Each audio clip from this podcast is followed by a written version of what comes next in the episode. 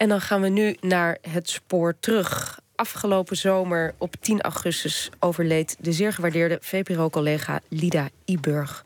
Tot haar pensionering maakte Iburg ontelbare documentaires en in 1995 maakte ze samen met interviewer Koen Verbraak, toen nog jong, de serie 100 jaar cabaret, 100 jaar censuur. Deze zomer is de serie in herhaling en vandaag is deel 1.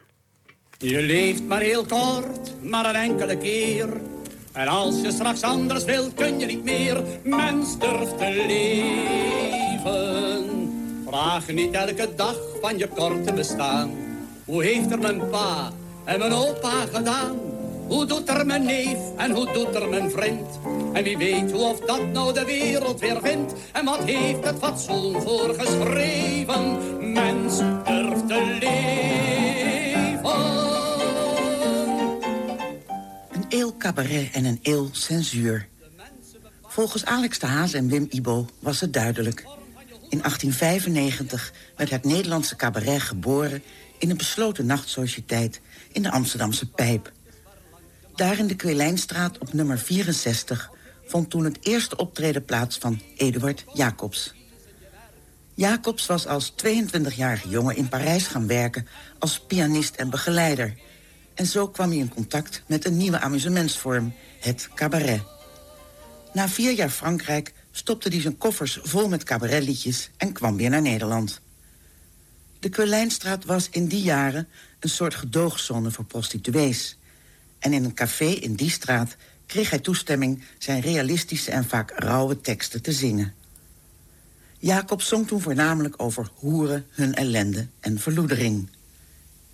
Van de zedenpolitie moest hij in 1904 de zaak verlaten. Maar elders gingen Jean-Louis Pissuis, Dirk Witte, Speenhof en anderen wel door. En vanaf het begin van het cabaret is er ook censuur geweest. Door de een wordt dat maatschappelijke tegendruk genoemd. Door de ander tekstcontrole. En weer een ander noemt het hoofdredactionele sturing. In deze vier uitzendingen hebben we ons voornamelijk beperkt tot censuur op liedjes. We praten met veel artiesten die te maken hebben gehad met censuur... maar ook met degenen die in die tijd verantwoordelijk waren voor het verbod daarvan.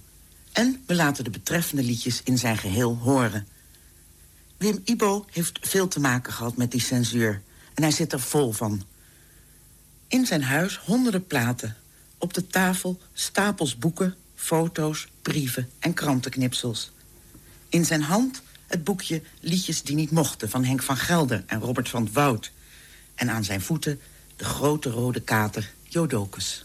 Ik eh, voel mij een bevoorrecht mens, nu na 100 jaar omdat ik mijn hele leven lang uh, heb kunnen bewegen op dat uh, favoriete terrein... dat dus uh, cabaretkunst heet. En uh, daar ben ik dus heel dankbaar voor. Ik heb het in ieder opzicht gedaan. Ik ben begonnen als dichter-zanger.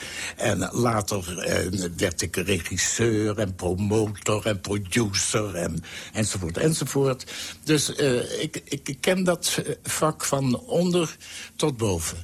En de enige schaduw die daar in al die jaren over is gevallen... is het feit van de censuur. Iedere keer is er weer die botsing. En die is terug te brengen tot het feit dat men in de amusementswereld vond dat je serieuze onderwerpen niet mocht aanroeren. En zeker niet om ermee te gaan spotten. Hè? En eh, dan struikelt de buitenwacht altijd weer over seks, religie, koningshuis, leger, politiek. Dat zijn de dingen waar uh, altijd erg veel over te doen is. Heel veel protesten zijn er altijd geweest tegen het feit alleen al dat die onderwerpen werden behandeld. Dat hoorde niet thuis in het amusement. Iedereen heeft zo zijn eigen idee van wat cabaret nou eigenlijk is. Voor Jacobs kwam het neer op uh, spotten en klagen. En dat hoor je ook duidelijk in dat hele repertoire. Even kijken, dat was 1975 eh, geloof ik, bestond Amsterdam 700 jaar.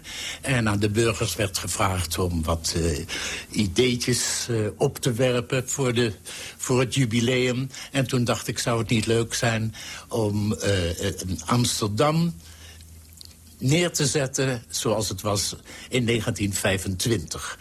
Waarbij we dus ook alle aandacht hebben geschonken aan de pioniers. Met name dus ook aan uh, Eduard Jacobs. En daarvan uh, hebben we gekozen het liedje van Oude Daatje. Omdat dat uh, ja, een soort foto is van Nederland rond 1900. Hè? Speelt zich af op de Zeedijk. En heeft hevig te maken met de prostitutie. Eduard Jacobs was uh, voor mijn gevoel nogal heel eenzijdig ingesteld...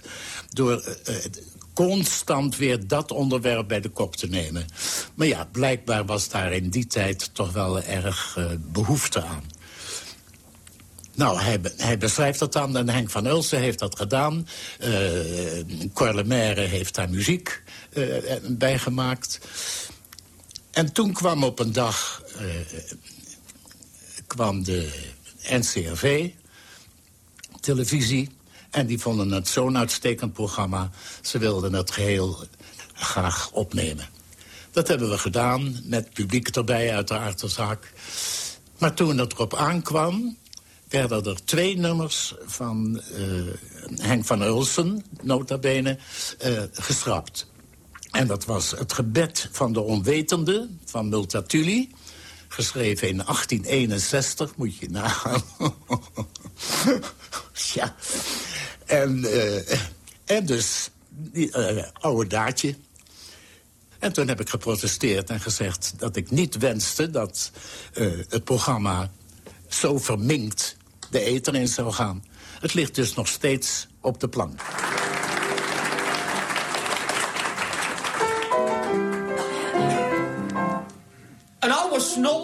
Had jaren de Warmoestraat bevigeleerd.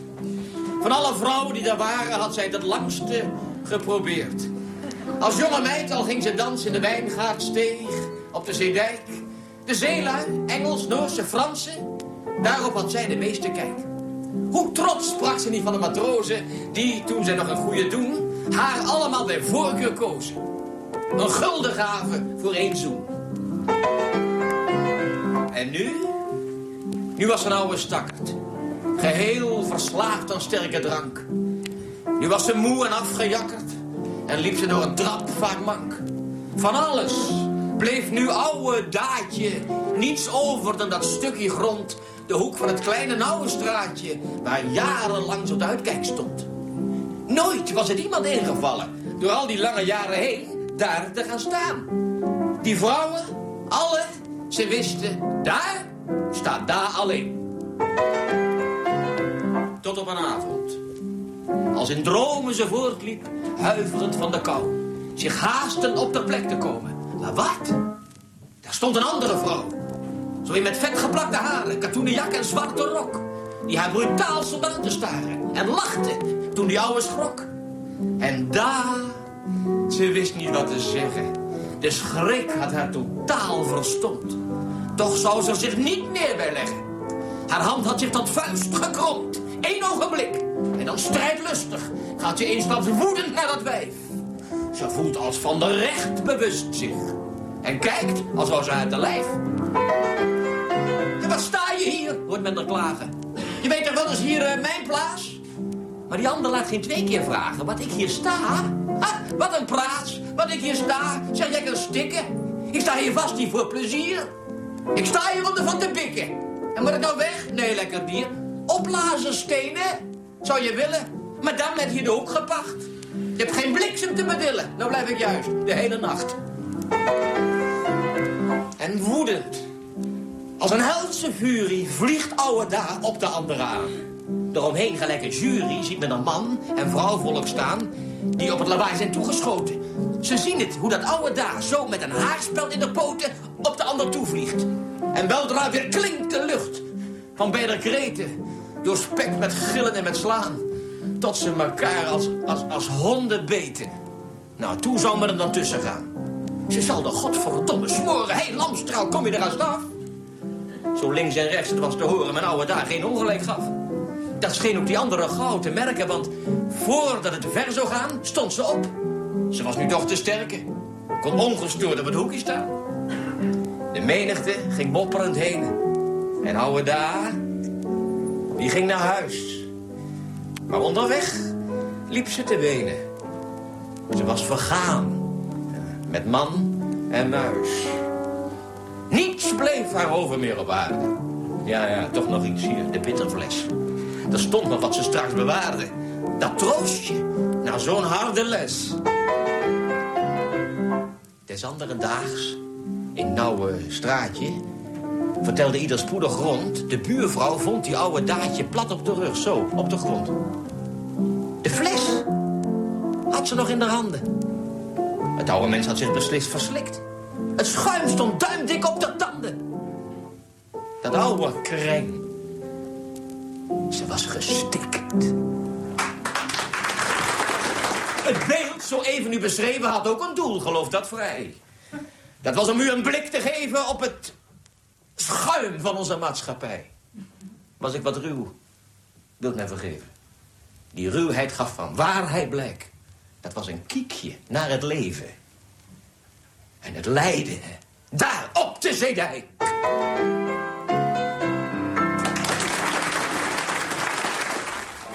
Oude Daadje van Eduard Jacobs. In 1975 gezongen door Henk van Ulzen. En het werd verboden door de NCRV. De platen die we tot onze beschikking hebben zijn oud. En dat is soms ook te horen. Behalve Jacobs had ook Koos Speenhof last van censuur. Vooral in het katholieke deel van Nederland. Ook hij werd uh, dus uh, gezien als een, uh, een bedreiging voor het Nederlandse fatsoen. Zoals je weet, wij zijn allemaal heel keurige, nette... keurig opgevoede personen hier in dit land. Dus uh, ik, om maar eens even een dwarsstraat te noemen... Uh, twee mensen die ongehuwd samenwonen... Hè, dat komt A, niet voor in Nederland... en B, als het voor zou komen... dan is dat uh, heel erg bedenkelijk. Vooral wanneer die twee mensen dan ook nog een kind krijgen, begrijp je? En uh, nou, dat werd dus genoemd vies en smerig. En uh, dat was zedenverwildering. En het gevolg was dat uh, er een vereniging was die heette Voor Eer en Deugd. En ik heb toen mogen lezen in de kranten die ik heb opgezocht uit 1906 dat hij in Helmond van het toneel werd gehaald. en dat was uh, op uh, aanraden van die Vereniging voor Eer en Deugd. Dus ik dacht, wat is dat voor, voor een club geweest dan? Hè? De burgemeester die luisterde naar, naar die club... en de voorstelling ging niet door. Nou, ik had dus nog nooit gehoord van die Vereniging voor Eer en Deugd... en vond het antwoord in een krant, de, de Maasbode uit 1907. Mag ik dat even voorlezen? De Vereniging voor Eer en Deugd. Ene der jongste, maar tevens ene der schoonste katholieke verenigingen. De Jongelingsvereniging voor Eer en Deugd. Eerbied hebben wij voor die kloeke jonge mannen... die onverzaagd en onverschrokken zich aandienen... als ridders der heilige kuisheid... bereid voor haar te strijden... onder de lelieblanke banier der onbevlekte ontvangenen. Oh, oh, oh, dat is toch niet te geloven, Nou, en daarom werden dus die, die liedjes die werden uh, smerig genoemd. Uh, uh, wat er allemaal niet gezegd werd over, over Speenhof. even zien... Speenhof is voor katholieken verboden. Voordrachten van Speenhof waren allersmerigst. En het vuil lag er een vinger dik op. En de pastoor te Deemster zei... deze liederenbundel mag in geen katholiek huishouden gevonden worden. Het is café chantant literatuur van de Rotterdamse Zandstraat. Ja. De Rotterdamse prostitutiebuurt. Tja. We hebben een opname van Koos Speenhof gevonden. Maar het is niet goed te verstaan. Toch even Speenhof. Maar eerst de tekst. De geschiedenis van twee aardige mensen. 1904, J.H. Speenhof. Het waren twee aardige mensen. Die dachten van niemendal kwaad. Ze dachten alleen aan zichzelf. Zoals dat gewoonlijk dan gaat. Het waren twee aardige mensen. Nog zonder verstand en gezond. Die hielden zoveel van elkander. Alsof er geen wetboek bestond. Die ene die leerde voor dokter. Zijn vader had duiten ervoor. De andere zat voor haar broodje. Als schrijftertje op een kantoor. De een die zat rijk in zijn kleren. Droeg vesten en kousen van zij. De ander had bijna geen hemd aan. En toch was ze dapper en blij. Hij wachtte haar op tegen achten. Dan had ze gedaan op kantoor. Ze sprongen elkaar in de armen en gingen er zingend vandoor. Dan kreeg ze een ruikertje rozen, een doosje met zeep of met reuk. En eens gaf hij haar als verrassing een grappige hoed met een deuk. Zo werd het hoe langer hoe mooier. Ze hadden voor werken geen tijd. Haar penhouder had ze vergeten. En hij was zijn leerboeken kwijt. Toen huurden ze ergens een kamer. Omdat er geen uitkomst meer was. Daar kregen ze samen een kindje. En dat kwam volstrekt niet van pas. De vader riep, aap van een jongen... ga gauw bij dat schepsel vandaan... en geef haar een bankje van honderd... dan is er de zaak mee gedaan. Toen bleef ze alleen met haar kindje. Geen mens die haar hielp in de nood. Ze beefde van angst en van schande... en maakte haar kindje toen dood. Het waren twee aardige mensen, nog zonder verstand en gezond. Die hielden zoveel van elkander alsof er geen schande bestond. De een is gevestigd als dokter en werkt voor een deftig bestaan. De ander zucht in het spinhuis. En daar denkt nou niemand meer aan.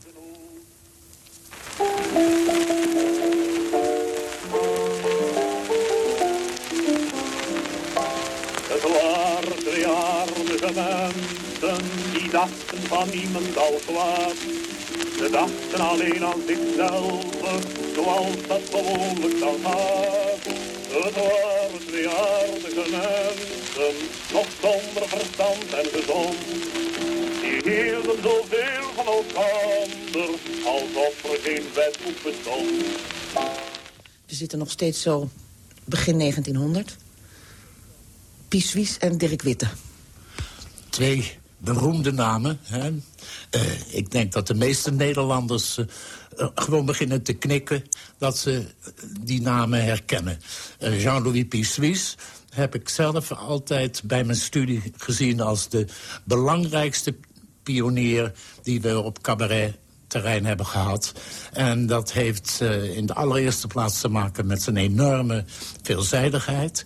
Hij was onze allereerste conferencier. Hij was ook de eerste die een cabaretgezelschap heeft geformeerd... en dat tot zijn dood toe in stand heeft gehouden. En bovenal misschien, ja, daar was die man toch ook geweldig in... als talentenontdekker. Hij heeft ontzaglijk veel jonge mensen de kans gegeven... om in zijn gezelschap op te treden. Uh, een paar namen, uh, Willy Corsari, Alex de Haas... Tolen en Van Lier, Paul Collin... En niet te vergeten heeft hij de kans gegeven aan een jongen... die op een kantoortje zat in Zaandam... en uit liefhebberij liedjes schreef, tekst en muziek. En die jongen heette Dirk Witte. Aan hem hebben we te danken, zoals ik het altijd noem... het lijflied van het Nederlandse cabaret... Mens durf te leven. En nou, we hebben het toch al steeds maar weer over alle dingen die verboden werden. Ik herinner me dat ik een keer voor de AFRO dat lied wilde zingen. En daar komt in voor...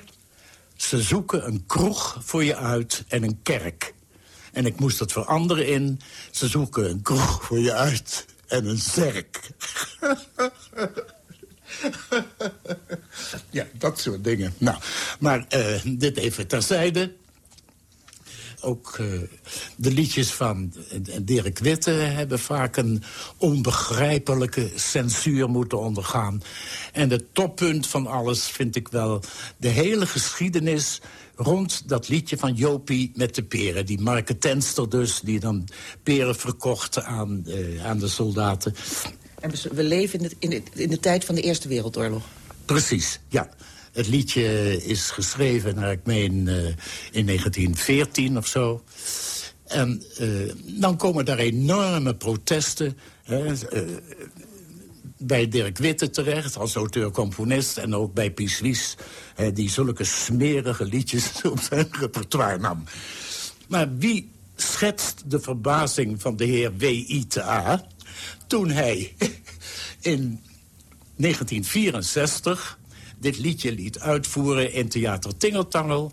in het programma Waar blijft de tijd waarvoor ik onder andere uh, een van de discipelen van Pissuis had uitgenodigd, Paul Collin. Paul Collin heeft na de dood van Pissuis dat liedje van de peren op zijn repertoire genomen. En toen kwam uh, de KRO, radio, en die waren erg te spreken over het programma en die zeiden... We willen het graag in zijn totaliteit opnemen... en dan voor de radio in gedeelten uitzenden. Nou, je begrijpt, dat was uh, een kolfje naar de hand van al die oudere artiesten... die best een extra centje konden gebruiken. Henriette Davids, Dora Paulsen, Sylvan Poons... Uh, Paul Collin, Bob Scholte, Joop de Leur... Nou, Herman Tolen. Nou. En toen uh, het erop aankwam... toen zeiden ze... Maar dat liedje van uh, Paul Collin, van uh, Jopie met de peren, dat kan niet. Nou, ik heb toen een vergadering belegd met al die oudere collega's... en gezegd, jongens, wat moeten we nu doen? En toen, en dat zal ik nooit vergeten... Uh, ik vind het altijd nog heel ontroerend om daarover te praten... toen zeiden ze als één man, als oom Paul... want zo noemden we hem, Paul Collin... die was toen 80 als oom Paul dat liedje niet mag zingen... dan gaat de hele uitzending niet door. Dat was even een stukje solidariteit, hè? Geweldig. Maar eh, ik heb het programma natuurlijk wel op de plaat laten zetten. Dus Jopie met de peren, uitgevoerd door de 80-jarige Paul Collin... is bewaard gebleven.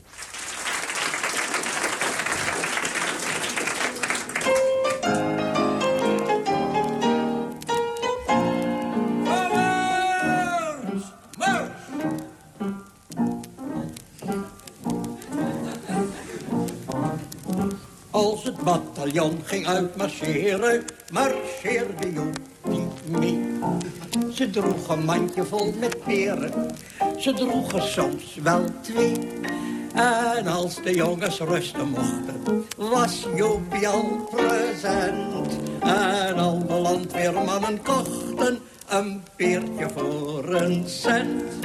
Ze sleet ze aan het luitenantje en aan de kop vooraan. De zieken dragen het sergeantje, ze kochten allemaal. Zij bleef maar dapper mee marcheren, al brandde ook de zon. En Jopie die verkocht er peren aan het hele bataljon.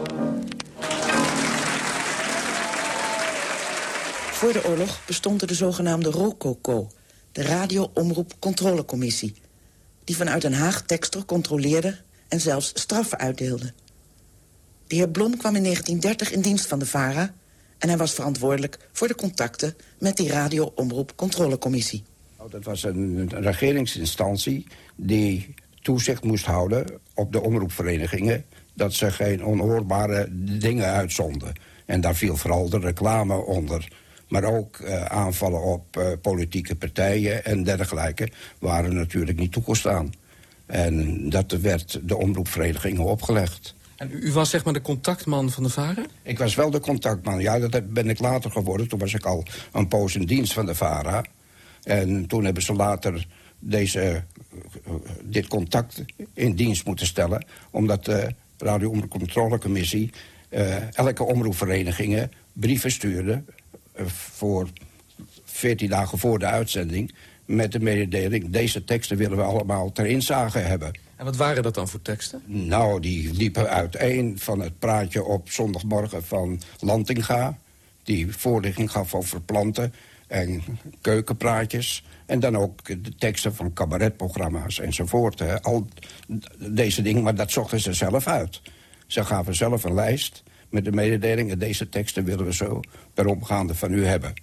En dat was, vooral voor de oorlog was dat vreselijk...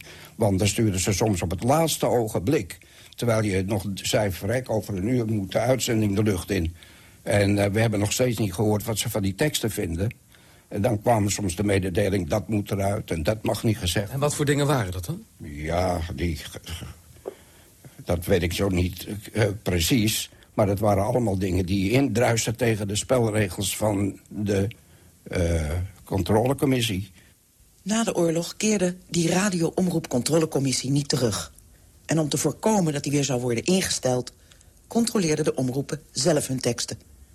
Eerst Wim Ibo, dan de heer Blom... over de tekstcontroledienst van de VARA. En dan moet ik gewoon zeggen, ze waren dan roomser dan de paus uit angst dat ze uh, straf zouden krijgen. Vergeet niet dat bijvoorbeeld uh, een, paar minuten stilte... die de Vara Radio uh, had betracht bij de executie van de Marines van der Lubbe in Berlijn... dat ze werden gestraft met een, een hele dag zendtijd die werd afgenomen. Dus ja, ze waren dus uiterst uiterst voorzichtig. Maar voor ons te voorzichtig. Hè?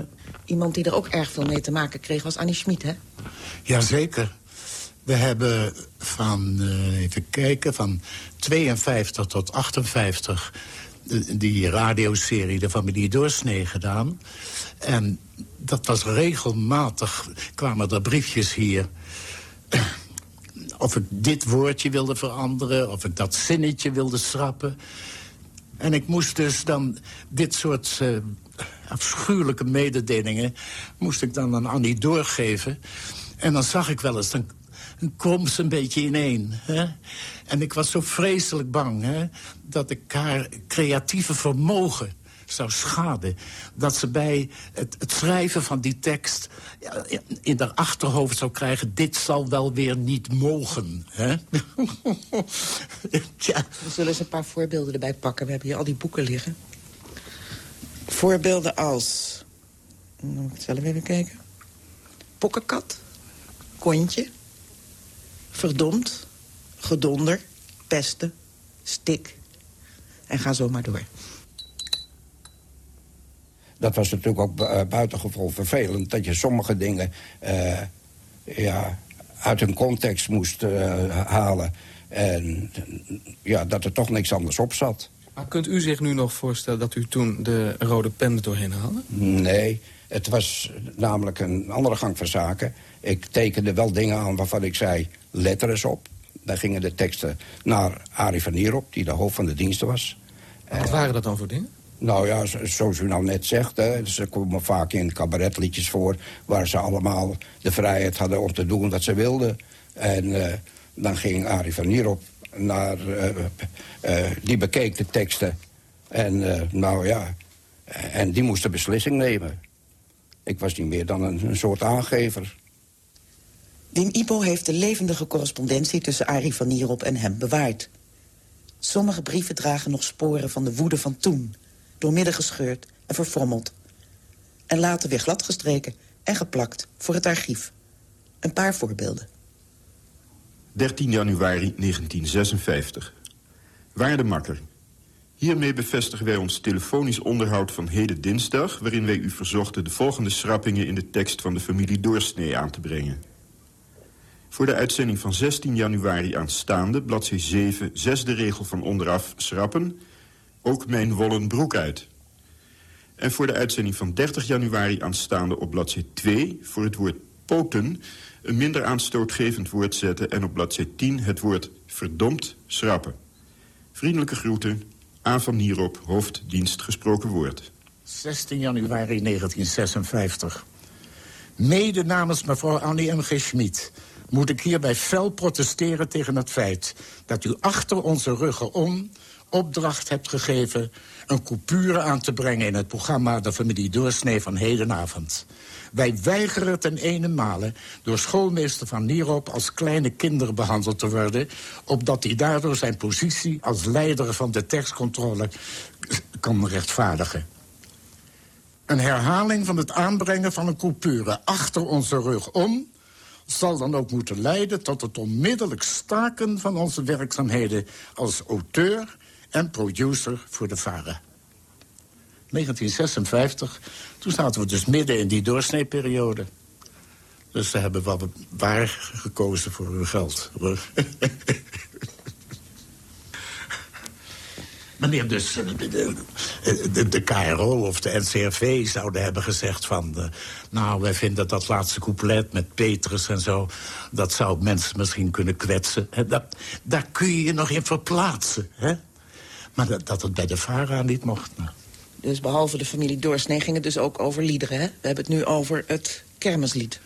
Het kermislied, ja.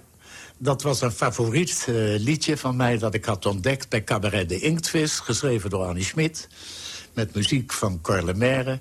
Ik vond het zo'n fijn liedje dat ik uh, het op mijn repertoire heb mogen nemen van Annie. En als ik zo af en toe nog eens in gezang uitbarst... dan is dat altijd weer het kermislied. Ik heb kermis gevierd, ik heb langs de baan gezwierd. Ik heb gezwaaid toen de fanfare voorbij kwam. Ik heb een nummertje gegleden van boven naar beneden. En heel wat afgevreden als het zo uitkwam, enzovoort. Ik had toen een programma rondom Kees Brussen. En dat noemden we Brusselse kermis. Dus daarin kwam dat liedje natuurlijk uh, goed van pas. Daar kwam dan uh, in voor de regel... en pas als u niet meer overeind kunt staan... dan is het tijd om naar huis toe te gaan. Dat mocht niet, want je mocht geen drankje drinken. Moest je veranderen in... en ben je zo moe dat je niet meer kunt staan.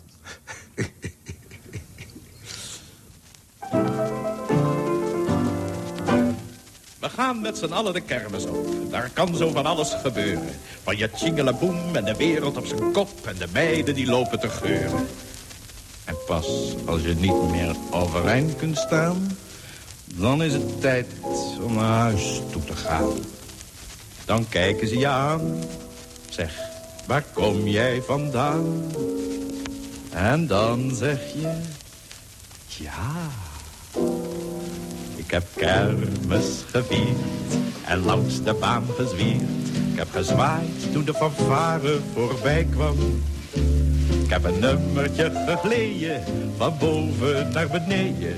En heel wat afgevreden als het zo uitkwam. Ik heb mensen zien dringen voor heel malle dingen. Ik heb van alles gedronken, zoals je dat doet. Ik heb dikwijls gedacht ik had er meer van verwacht. Maar alles bij elkaar was het jovel even goed. Annie Schmid kan ons om gezondheidsredenen helaas niet ontvangen. We mogen haar wel even bellen. De affaire rond haar kermislied kan ze zich niet meer herinneren. Uh, oh, dat ben ik vergeten. Ik denk dat ik een heleboel dingen vergeten ben die Wim Ibo nog onthouden heeft. Uh, want maar, ik was dat vergeten. Daar hebben, ze van, daar hebben ze van gemaakt. Dan ben je zo moe dat je niet meer kunt staan. Oh ja. En het hele derde couplet moest eruit... omdat het te maken had met Petrus en de hemelpoort. Oh. En Zie dat... je, dat zijn dingen die ik vergeten ben. En Wim Ibo weet dat allemaal, want die was daar heel streng mee. Maar er moet een periode geweest zijn die u niet vergeten bent. En dat is de periode doorsnee. Uh, ja. Heeft u zich toen nog kwaad gemaakt? Of bent u dat ook vergeten? Nee, nee, ben ik niet vergeten. Maar ik heb wel kwaad gemaakt omdat ze zo pietluttig waren. Maar ik denk, nou ja, pietlutten zijn het nou eenmaal dus vooruit. Ik heb me niet echt woedend gemaakt, hoor. Het is niet een censuur waar je gewoon kwaad over moet maken, vind ik. Als het fatsoensrakkers zijn die het woord kontje niet willen... en eh, het woord sherry niet willen, dan denk ik... nou, dat is jullie eigen kleinzieligheid. En dan ga ik me niet van, ga ik niet van wakker liggen. Het zou wat anders zijn over, als het over politiek ging. Ja. Hè, of als het echt een, een standpunt van je is. Maar als ze over woordjes vallen, denk ik, nou, je doet maar aan, hoor. Kan het zijn dat u in de loop der jaren milder bent geworden? Want ik heb hier een uitspraak uit 1968 van u. Toen was u nog steeds erg boos. Zo, laat eens horen. Ik word nog kwaad wanneer ik eraan denk dat Sjaan de huishoudster haar wollen broek niet mocht uittrekken om zich in een avondtoilet te hullen. En dat achter onze rug om haar Amsterdamse scheldwoord pokkenkat uit de opname werd geknipt. Oh ja. Een dergelijke mentaliteit veroorzaakt een preventieve censuur die remmend werkt op de creativiteit. Precies, wat heb ik dat goed uitgelegd. Goh, want het maakt dat je zelf die preventi- preventieve censuur gaat toepassen. Als je Ja. iets gaat schrijven, denk je, oh, dat zal wel weer niet mogen van de VARA. Of van de KRO, of wat was het toen in die tijd. Hè? Ja. Dus dat, eh, dat is heel vervelend. Cabaret en vrijheid zijn synoniem, heeft u gezegd. Je moet om dood, seks en religie kunnen lachen. Ja, En fatsoen, ik heb zo'n hekel aan fatsoen. dat is zeker, dat is nog zo. Ja. Nog steeds hekel aan fatsoen? Heel erg. Ja, van het, het burgerlijk, kleinburgerlijke fatsoen. Van bij de buren kijken en vinden dat ze niet netjes genoeg een eh, stoep hebben ge- geschuurd. Dit soort fatsoen. Volgende week zullen we het met Annie Schmid onder andere nog hebben over het lied. Op een mooie Pinksterdag. Maar nu eerst naar Pieter Nauw. Hij was van 1952 tot 1980 televisiedirecteur bij de VARA... en mede verantwoordelijk voor al die verboden woorden, zinnen, coupletten en liedjes. Voor we met hem over concrete voorbeelden gaan praten... wil hij eerst iets kwijt over het feit dat je als omroep in die jaren na de oorlog... rekening moest houden met heel veel mensen en organisaties. De omroepen van toen waren nauw verbonden met een groot aantal maatschappelijke organisaties. Het was hun omroep. Voor de VARA was dat bijvoorbeeld de Partij van de Arbeid, het NIVON... de AJC, de Arbeiders Jeugdcentrale, een vakbond en ga zo maar door. De voorzitter van de VARA was toen burger. En hij was ook voorzitter van de Tweede Kamerfractie van de Partij van de Arbeid. De voorzitter van de KRO was Van Doren. Ook hij was voorzitter van de Tweede Kamerfractie van de KVP. En zij waren weer bang stemmen te verliezen. Daarnaast was er dan ook nog een sterke verenigingsdemocratie... met in die tijd zeer actieve leden. En dan werd tenuil weer gebeld over een zin, een woord, een lied of wat dan ook. En om met al die organisaties rekening te houden... vonden we hoofdredactionele sturing nodig, zegt hij. Is hoofdredactionele sturing eigenlijk niet gewoon censuur? Piet Tenaal. Kijk, eh, wat precies censuur is, ik zou zeggen, laten we het daar nou niet over hebben. Maar ik vind het meer verbonden dus met eh, de opvattingen van de programmaleiding... ten aanzien van wat kan, wat niet kan, wat mag, wat niet mag. En dat is dus hoofdredactionele sturing, toch op een bepaalde manier... dan dat het zelf censuur is. Maar daar vallen wij elkaar niet over eh, eh, lastig. 1 november 1956. Geachte heer. Hierbij verzoeken wij u in de tekst van de familie Doorsnee... bestemd voor uitzending op maandag 5 november aanstaande... op bladzij 6, 14e regel van boven voor het woordje kontje... een andere aanduiding te bezigen... die voor vele luisteraars minder onfatsoenlijk zal klinken. Wij vertrouwen dat u deze wijziging in de tekst zult aanbrengen... en verblijven met vriendelijke groeten. Eh, waar beginnen we mee? Kontje? Ja. Eh, een heel duidelijke preutse instelling was er. Eh, het tweede wat je noemde was eh Pokkenkat? pokkenkat.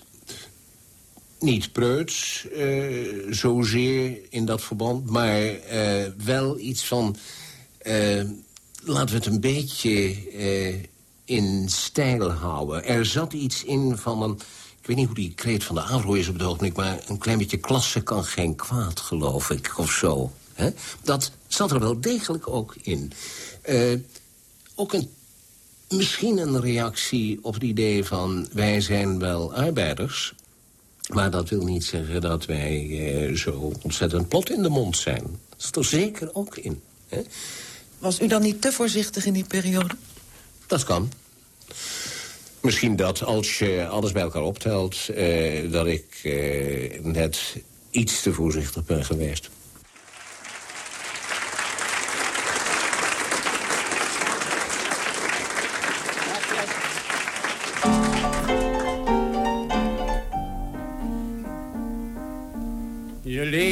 Kort, maar een enkele keer. En als je straks anders wilt, kun je niet meer. Mens durft te leven. Vraag niet elke dag van je korte bestaan. Hoe heeft er mijn pa en mijn opa gedaan? Hoe doet er mijn neef en hoe doet er mijn vriend? En wie weet hoe of dat nou de wereld weer vindt? En wat heeft het fatsoen voor geschreven? Mens durft te leven.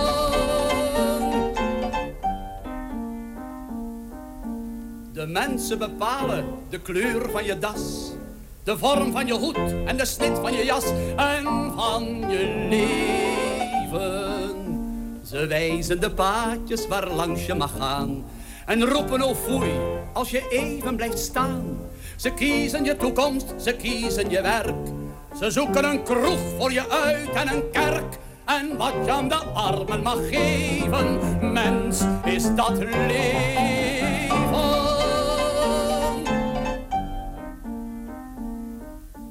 De mensen, ze schrijven je leefregels voor.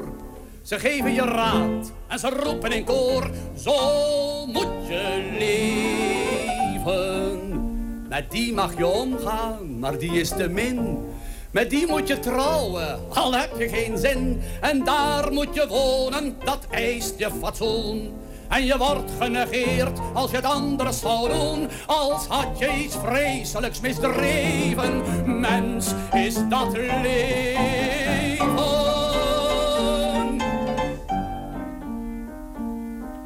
Het leven is heerlijk, het leven is mooi.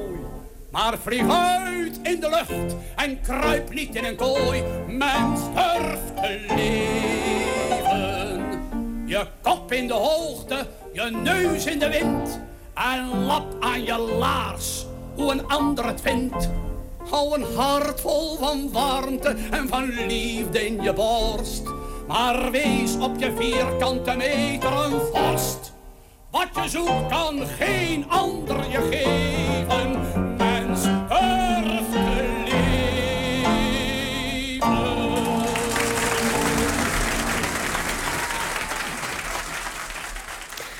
Dit was het eerste deel van 100 jaar cabaret. 100 jaar censuur gemaakt door Lida Iburg. Met interviewbijdrages van Koen Verbraak. Volgende week, volgende week deel 2.